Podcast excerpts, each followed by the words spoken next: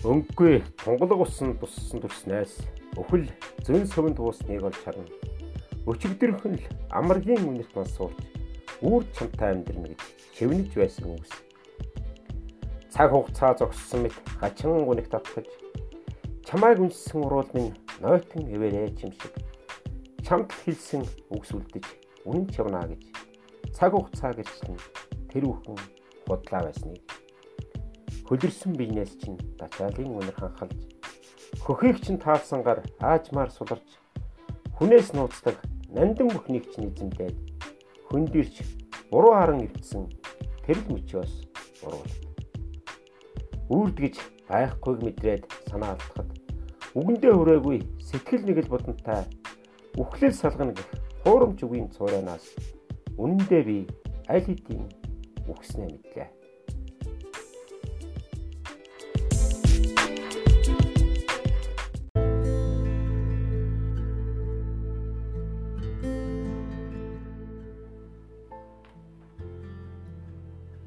Сайн байцгаана уу та бүхэндээ энэ өдрийн мэндийг хүргэе.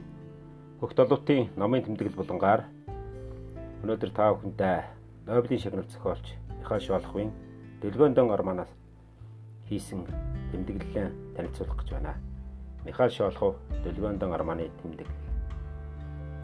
Удам дамжсан хасагдаачин Григори Мялхов хөршээлийн сэтгнэр үсгүй аксинер хоёрын дурлалын паянгаар бэлддэг. Өсөр том хэмжээтэй энэ туйлсын зохиол шимтэн дурсан уншигч цөөнгөө байхад киног нь үзсэн. Ядхад нэрийг нь сонссон. Сургаар мэддэг хүмүүс нилээд бий гэж бодогдно. Хүүтэн дайны хинэрхлийн үед коммунист зохиолч баруунаас Нобелийн шагнал авна гэдэг байж боломжгүй хачин тохиолдолд бол энэ зохиол юуны хүчээр даян дэлхийд алдартай болов гэж бодоход хүрсэн. Дооны иргэдэг хасгийн татар гацааны тухай тэр суургийнхны аж амьдрал сайнтай муутагаа өрнөж дэлхийн 1-р дайнд оролцсон хасгуудын үйл явдал цаашлаад иргэний дайн улаан цагааны өмнө самун гээд хөл толгойн олдохгүй бужигнаа үүсч төөрч будлах залхаж ядрахад хүрдэг үлээ. Зохиолын хамгийн гол үнд чанар нь болсон үйл явдал амьдрал тохиолдож болох үзэгдлүүдийг тэр жигт нь хуулруулах биш. Хүний нүдэнд харагдаж сэтгэлд бодогдтол уран яруу дүрсэн үзүүлж чадсан доршноо. Зохиолын дүрслүүд амьд, бодтой бүр кино үзэж байгаа мэт.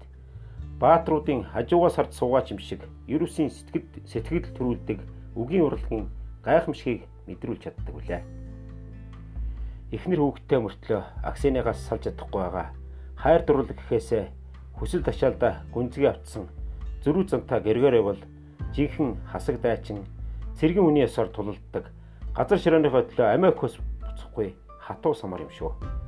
Төрсөн ах Петрон дайн самууныг алдар хүнд ол зомог олох аятаа сайхан завшаан гэж үздэг бол Григори яг эсэргээрээ дайны үеийн хүчирхийл дээрэм тануул хүнлэг ус явдлыг үзэн ядаж алдар нэрийн төлөө биш эр зэргийн ёсоор байлдахыг илүүд үзнэ. Тэрээр дайны талбарт олон тоо явж улаан цагааны тэмцэл татагдан орж говьж давж явсан ч үжил бодолтой үнэнч хүнлэг зан чанар нь хувирч өөрчлөгдөөгүй жинхэнэ мужик юм а. Хүний төрлөх язгуур зан чанар цагийн аясаар хэрхэн хувирч өөрчлөгдөж байгааг төрсөн тосгоноо галдан шатааж хувьсгалын үйл хэргийн төлөө эцэг ихээ алхаас сэрхгүй болсон зэрлэг болмод Мишка Кошовын дүрээр дотор ард сэтэл дүрслэн харуулдаг үлээ. Дайн байлдааны үед зөргөссөн аимшигт явдлууд нүдэнд харагдаж нэг үндэс угсаатай хүмүүс улс төрийн үзэл суртлаас болж нэг нэг хайр найргүй хядаж байгаа гашин хувьзъя. Үзэл санааны зөрчлөөс сулж ахан дүүс бив биерүүгээ буу шагаах гутам шиг эцсийн бүлэгт амар тавин амдарч байсан эгэл жирийн гэр бүлүүд дайн дайчны хөлд сүрэн баларч байгаа тухай гүн эмгэнэлт зохиол юм. Олон сараар гэр орондоо харилгүй дайцсан казак цэргүүдийн хувцсны хөлс, хэр, гулмас, шивэр, тамхины гашин утаа, архины ихэн үнэр хамар зэргэж дотор муухай оргуулах шиг тэдний уйтгар гүнэг, гомдол зөвхрөл, инээд нариган, завхаа зайдан гэрэ чихэнд сонсогдох шиг болдог тийм гайхалтай гоё дүрсэлж чадсан бүтээл үлээ.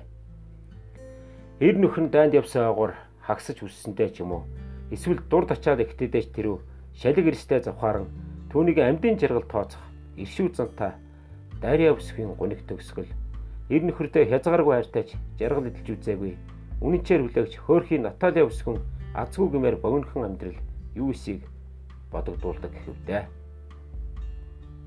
Игдүүтэй өөрхөн Дуниашка хүний өнөргөө Мишкаг Фронтос иргэн ирэхэд нь ямар их баяр хөөртэй угтдаг вүлээ дээ. Түүний үйлцэн гим нүгэл төрсөн ахыг нь алсан бузар явдал энэ бүх хайр дурлалын очийг өчүүхэнж бөхөөсөнгүй. Мөнч хачи хэрэг шүү. Зовлон шанал бүхнийг даван туулах сэтгэлийн тэнхээтэй царайлах хөөрхөн гоо үзэгсэлэнтэй ирчүүдийн сэтгэлийг гжигдэх өвдөстэй дур хүслийг нь өдөөдөг янаг хонгор аксины хүүхнийг дотроо төсөөлөн бодоогүй эр хүн ховор үзээ. Тэр зүгээр л дур тачаалдаа хит авцсан завхаа зайдан хүүхэн эрдөөч биш. Амьдралын золгүй хувь заяа түүнийг ийм зам руу түлхжээ. Өсвөр насндаа төрсэн эцэгтэй хүчиндүүлсэн аимшигт явдлыг мэддэг эр нөхөр Степан доромж байдлаар хандаж хүн гэж тоож үзэхгүй тэндэн сонжлоод айлын авгаа эргүүлж явхад түүнийг зарц болоос зарц болоос өөрцгөө үзэж байнга зодож нүдж байхад наашаа гэсэн ирвнийг цааш нь түлхэхгүй. Жимс эдлэнгийн эзний хүүтэй нууц амргийн холбоотой байсан. Аксиня хардаж зэрдсэн Григорид амьдрал намайг ийм болгосон. Өөрөөр яах вүлээ гэж ташаа дулан хэлдэг нь их л өргөдөлтөй санагддаг үлээ хөрхий. Анхны ир нөхрөөсөө илүү анх дурлсан болохоор Григорид ухаангүй хайртай сэтгмийн хөрхөн аксина эмэгтэй хүний дэсвэр төвчээрийн хүч чадлыг ёстоолог харуулдаг та. Түүний гоо зүгслэнг цагийн салхи бөхөө чадаагүй бол да.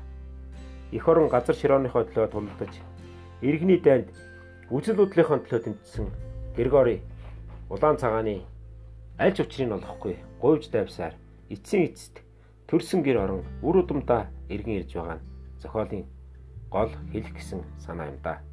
Коммунист зохиолч шоолох уу ямар нэгэн үзэл сурталт авталгүй. Улаан цагааны зөрчил тэмцлийг байгаа байдлаар нь бодтоор үзүүлж чадсан төдийгүй зохиолын гол баатар Григорийн амьдрал хожин баримтлаг баримтлагдсан цагаан гавартын нэгэн офицерын намтар түүхтэй нэн төстэй байсан өөр хүн бичсэн байж магадгүй гэсэн хардлагыг төрүүлжээ.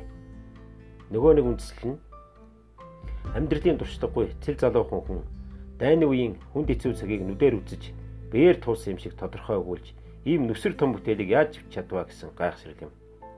Дайнд оролцсон казак тайчдын намтар дурсамжаас санаа оноо авч архивын баримт сэлтийг шүрдэн үзэж ууггүй хөдөлмөр нүрх хичээл зүтгэлээр авьяас билгийнхэн торгон ирэн дээр бүтээн төрөвсөн бой заа гэж бодно. Амьдралын гашин үннийг хүний ой ухаан сэтгэл зүрхэнд хоногшин үлдэл дүрслэн үзүүлж чадсан суу зохиолчийн энэ хүү Иралист бүтээл утга зохиолын ох манлаа болон мөнхөн үлджээ. Миний анхны подкастыг хүлээн авч сонсож байгаа та бүхэндээ баярлалаа. Санаа оноогоо бичиж надад илгээгээрэй гэж хүсэж байна. Хэрвээ та бүхэн таалагдж байгаа бол дараа дараагийн удаад олон сайхан номын тэмдэглэлийг төлөвлөх болно. Хүлээн авч сонссон та бүхэндээ баярлалаа. Хөгт олбот төмөрч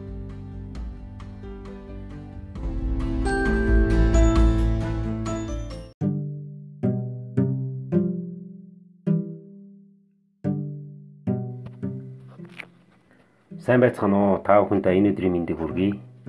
Хөх толбтын подкастыг сонсогч та бүхэндээ энэ удаагийнхаа дугаараар орчуулагч Гамбиногийн нэг зөв өгүүлэлгийг уншиж өгье гэж бодлоо.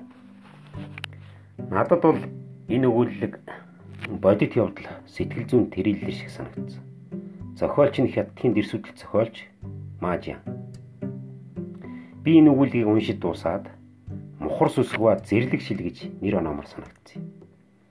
Ингээд өгүүлбэн та бүхэнд уншиж төлөвлөе. Зохиолч Мажан Арвалж Энтхийн нар үзэгсэлэнтэй жаргадаг. Өнөөдөр л ихэд мушгирсан цагаан үл тэнгэрийн хаяа руу нүн одохтоо зэрэгцэн. Нар улаан туяа завцруулан барууна хэвэв.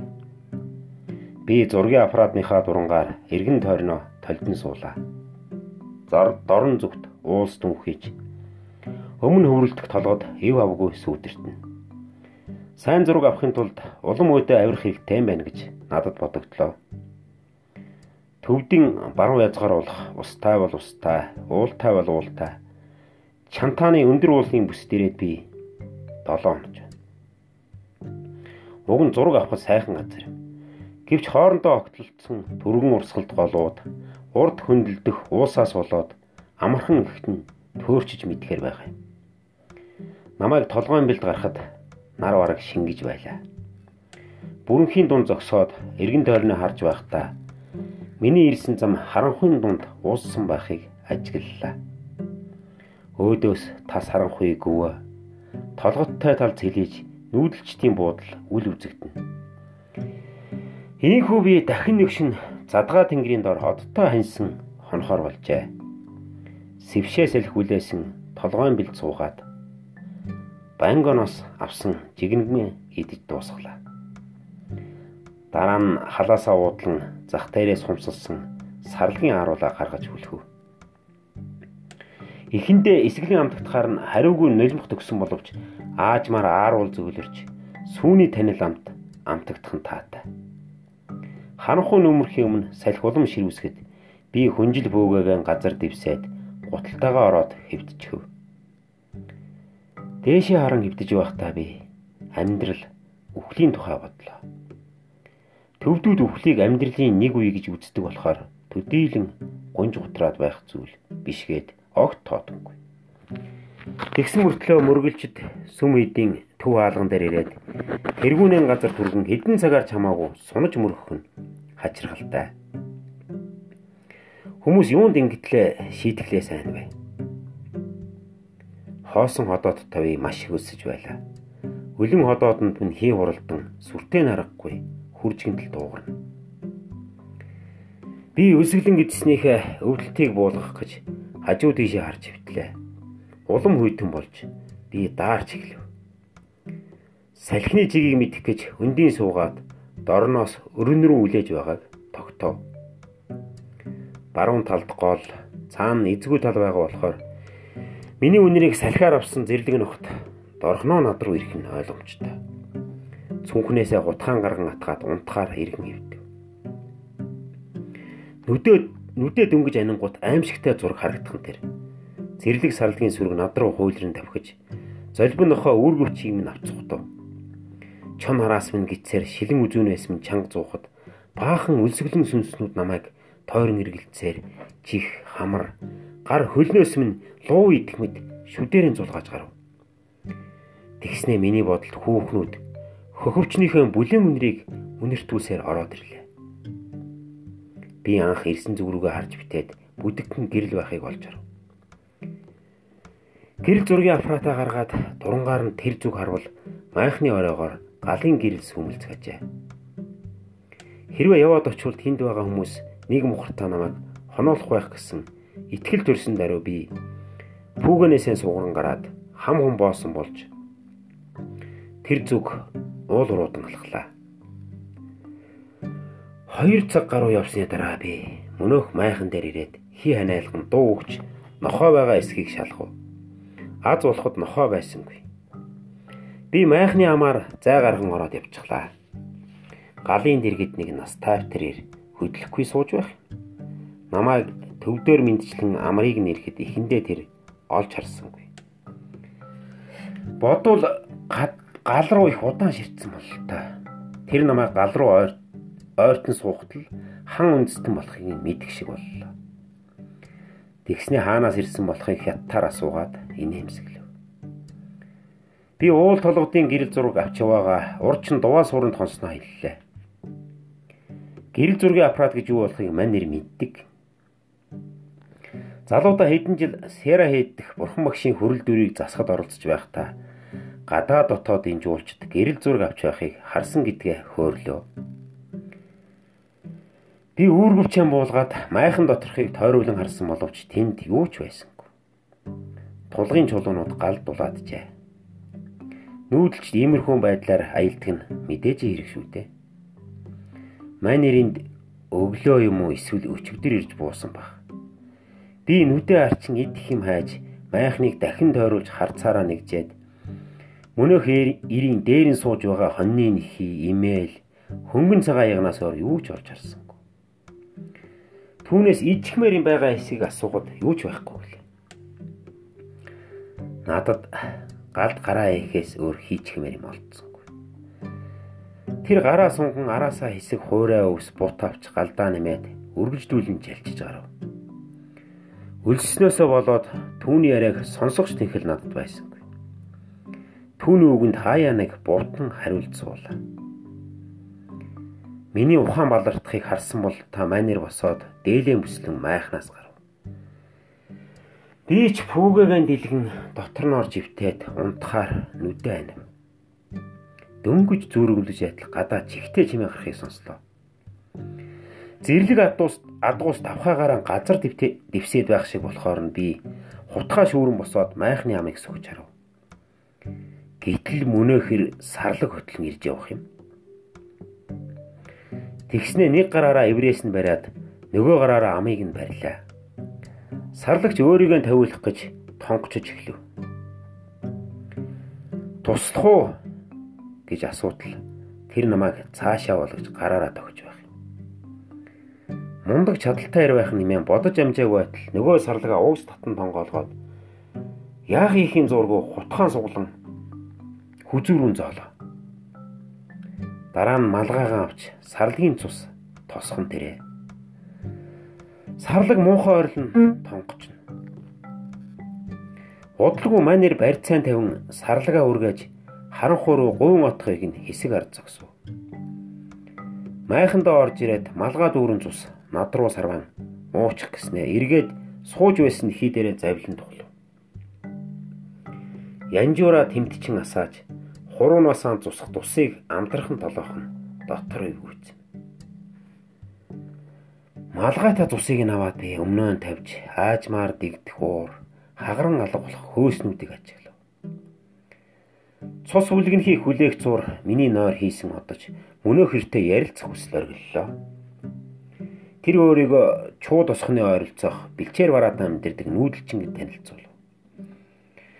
6 сарын өмнө өөрт байсан бүх сарлаг хонин сүргэн зарж мөнгө олгоод дашлан пийд дөрвжээ. Би түүнийг цаашид яах гэж байгааг нь сонирхтол. Тэр өөрийгөө гандраас хайрах нар очиж бурханд мөргөөд Мансарбор нуурын ариун усанд нүглээ угаахаар явж байна гэлээ. Түүнийг нэг охинтой гэдгээ хэлэхэд би илүү үгэнд дурлан хаана байгааг нь асуулаа. Манай охиноо хаана байгааг мэдэхгүй байгаа бол та. Хариу хэлсэнгүй. Зөвхөн нүд нь хоёр тишээ хялалцсан. Би түүнийг цус уухгүй бол ухаан тавих нь гэмээр болоод ирэхээр нь тамхиан гаргаж сарван анхаарлыг нь өөр дээрээ татлаа. Энэ жигтэрийн яриагаан дуусмагц би ласт харсан нэгэн охиныг түүнд хэлхүү байх уу гэж хэсэг тэнэгэлцлээ. Ер нь хилээд хэрэггүй байна гэж эсэст нь шийдсэн юм. Хэрвээ тэр охины тухай нэг л үг цохиулах юм бол Майнер миний хил амыг суулгах шахан шалгаах нь ойлгомжтой. Охиныхоо ямар хуу янзтай байсныг дуулаад түүний ухаан самуурах юм билүү хэн мэдлээ. Тэр надад ийхүү үгэрсэн юм. Би хамаг мал сүргэн зарж хаад дашлам хийд рүү очино. Бурханд мөргөхөөр явсан юм. Тэнд очиод бурхан багшаас охиныг минь харж хамгаалж явахыг гуйгаад намайг өгсний дараа охинтой минь Диваажинд уулзуулж өгөөч гэж залбирав. Хайлаас туулыг 19 удаа гороолоход минь туслаач. Дараа нь намайг Диваажинд аваач гэж би эцэст нь залбирсан хамгийн том алдаа болж үлээ. Би чинь ээжийнхээ мөмийг 14 хүртлээр хөгсөн үнтэй. Ээжийн сүв тэр олон жил татрааг нь хачирхалтай шүү. Миний аав 1959 оны төвдийн босдохын үед алагдсан юм. Чуун нутгийн маань бэлчээрч одоо ч эзэнгүүл болж тээ. Чи тэрүүгээр явахдаа харах болноо. Би 16 настайд анх ээжтэйгээ ингэж зөрүүлж үзлээ. Бас өөр хүүхнүүдтэйч чууд босхонд баяраар очихдоо амарглаад амждаг.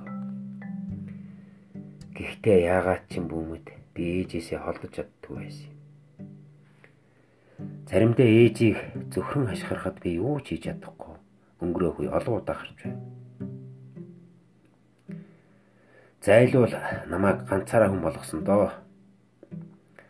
Аавыг бурхан босны дараа тэр зөвхөн намайг гисээр бусад айл хунартаач ойртож буухаа болж үлээ.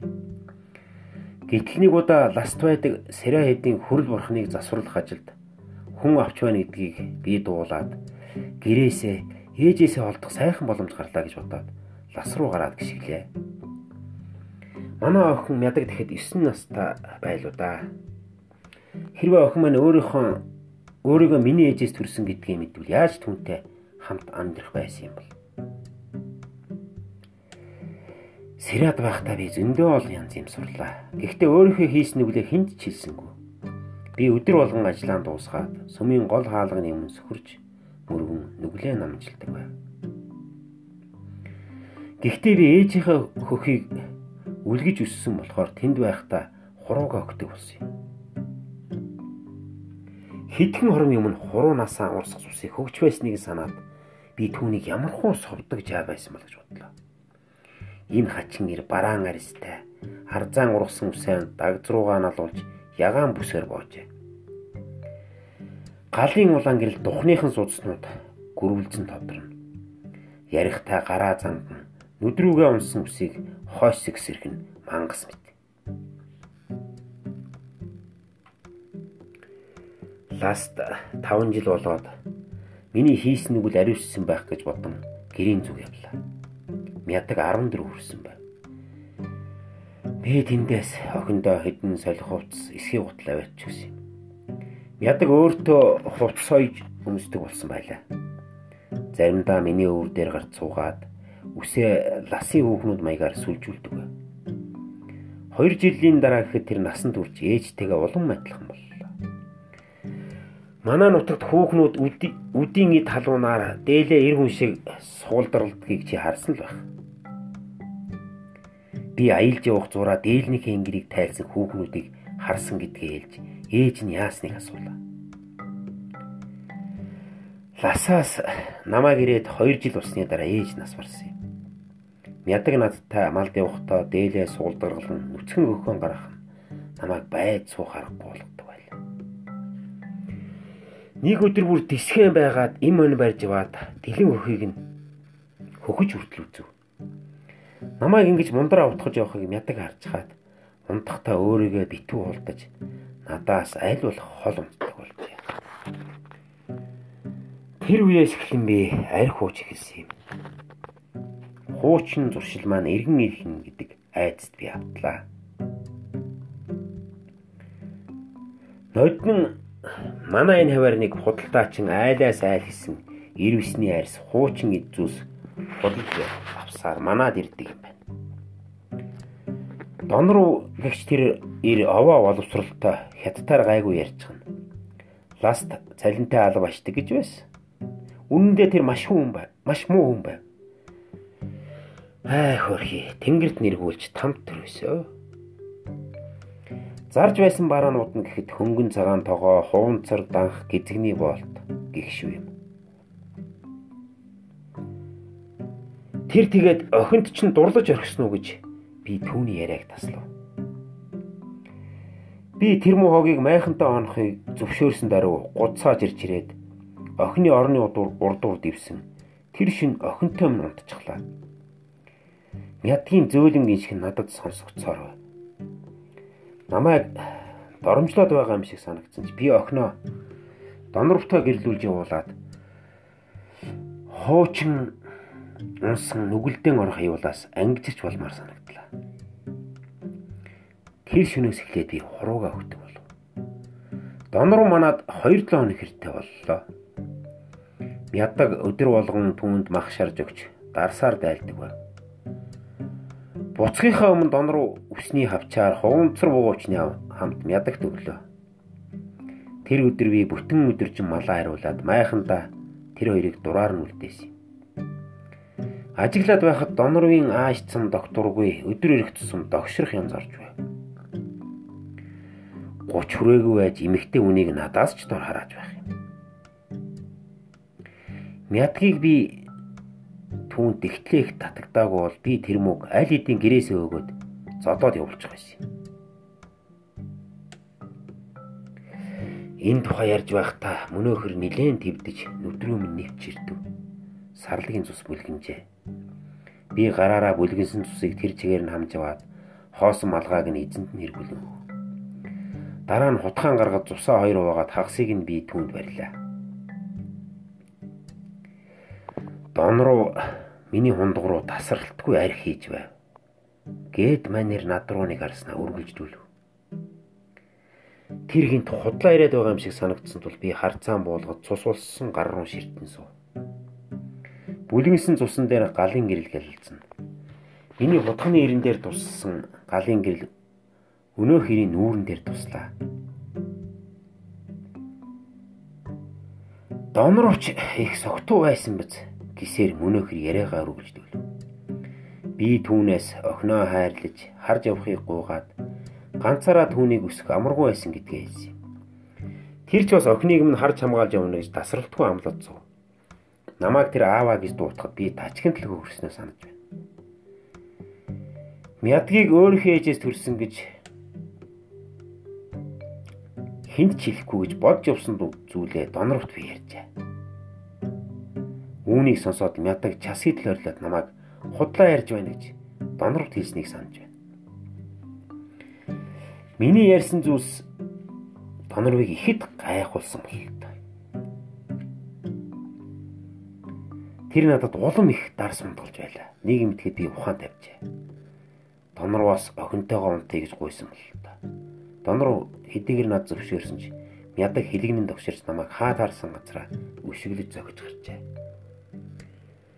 Түүнийг инхүү дийлдэхгүй болохоор донор барьж яваад энэ шин эцэгтэйгээ ингэр зөрүүлэхгүй л би чамайг авч явахгүй гэж байж нэг юм номхруулсан бол та.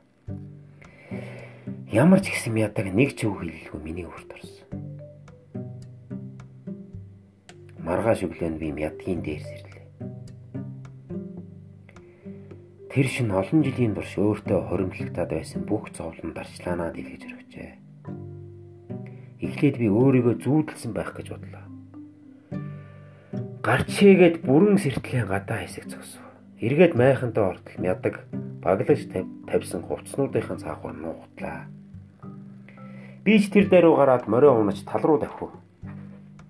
Орой усаа эргээд иртэл дон руу мядаг хоёр аль эдийн явсан байлаа. Тэр жил би цаалаад очиж намардсан юм. Ядаг намайг хизээж дахиж эцгээ гэж үзэхгүй гэдгийг би мэдэж байсан боловч түүнийг олж уулзах хэрэгтэй гэж бодогдоод цаалаад ирээд охиноо сургалсан боловч харж мэдэх хүн огт таарсангүй. Явсаар байгаад э, тэрэгэнцэрт мухалгийн худалдаачнаас сар гаруй өмнө арь ширний худалдаач ир залуу эмэгтэйг тэрэгэн дээрээ аваад явж явсан тухай хэлхийг сонсов. Шигацай нутгийн айлгаар ярьдаг тэр ир нөгөө хүүхнээ хэл хэлэхгүй үгээр харааж байсан гин. Үүнийг сонсоод би хідэн сарлагаан зах дээр зарж гарын бил хийгээд шигацай руу явахаар шийдлээ.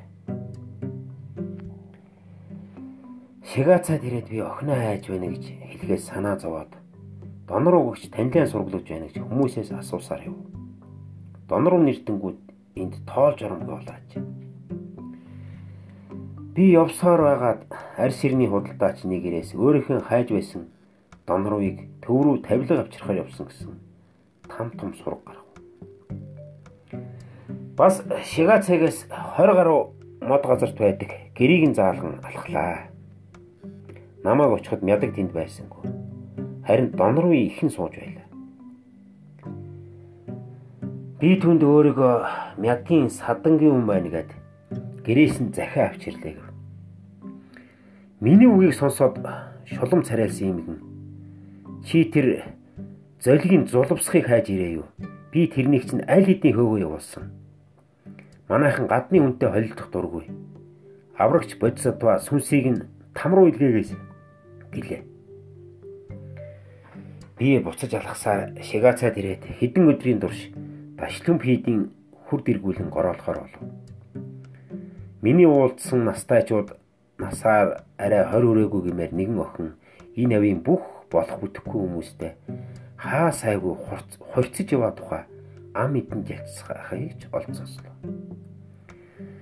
Тэр охины гудамжинд амьдарч мөргөлжтийн өгс юмар хоолдог.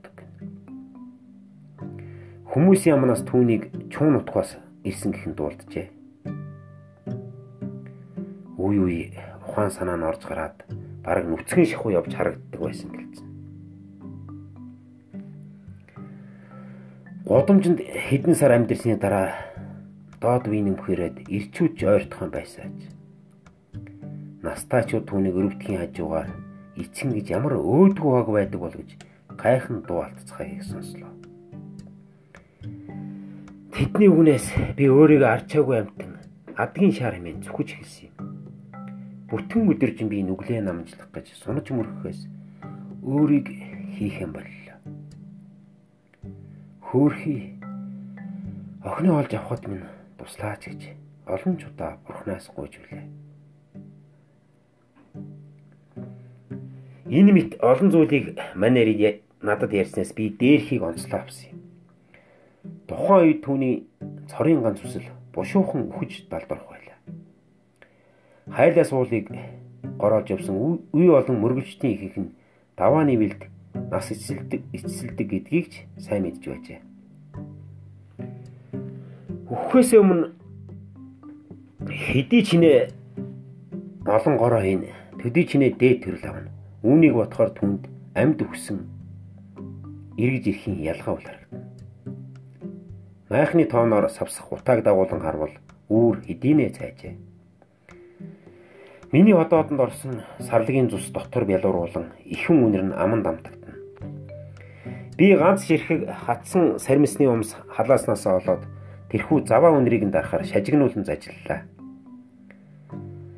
Нүдний зовх хар аян давна. Нөгөөр сууж байсан нэхийн дээрээ сунаагаад хөнгөн саваа саваад ирлэн хажуулж тарин уншихад түүний амнаас гарах өмхийн үнрээр майхан дорхноод өв. Би нөгөө өртөө зэрэгцэн эвтээд ласт байдаг бархоо зах дээр харсан охиноо бодлоо. Төвдийн өндөрлөгт байн хүлээж явдаг салхинд тэр охины дугуйн нүр цулцгаар хацар нь улаасан байж билээ. Үсэнд нь оюун шиг зүгт байсангүй. Харин сарлагын сүүл мэт ардзаа зэгссэн байна. Нүүр рүүгээ унжих ширэлтсэн үсээ хойш нь болгох санаатай арагш дэмийлээ. Хин нэгэн өөрийг нь харж байгааг мэдээд толгоогоо өргөн өөдөөс харж инээмсэглэн.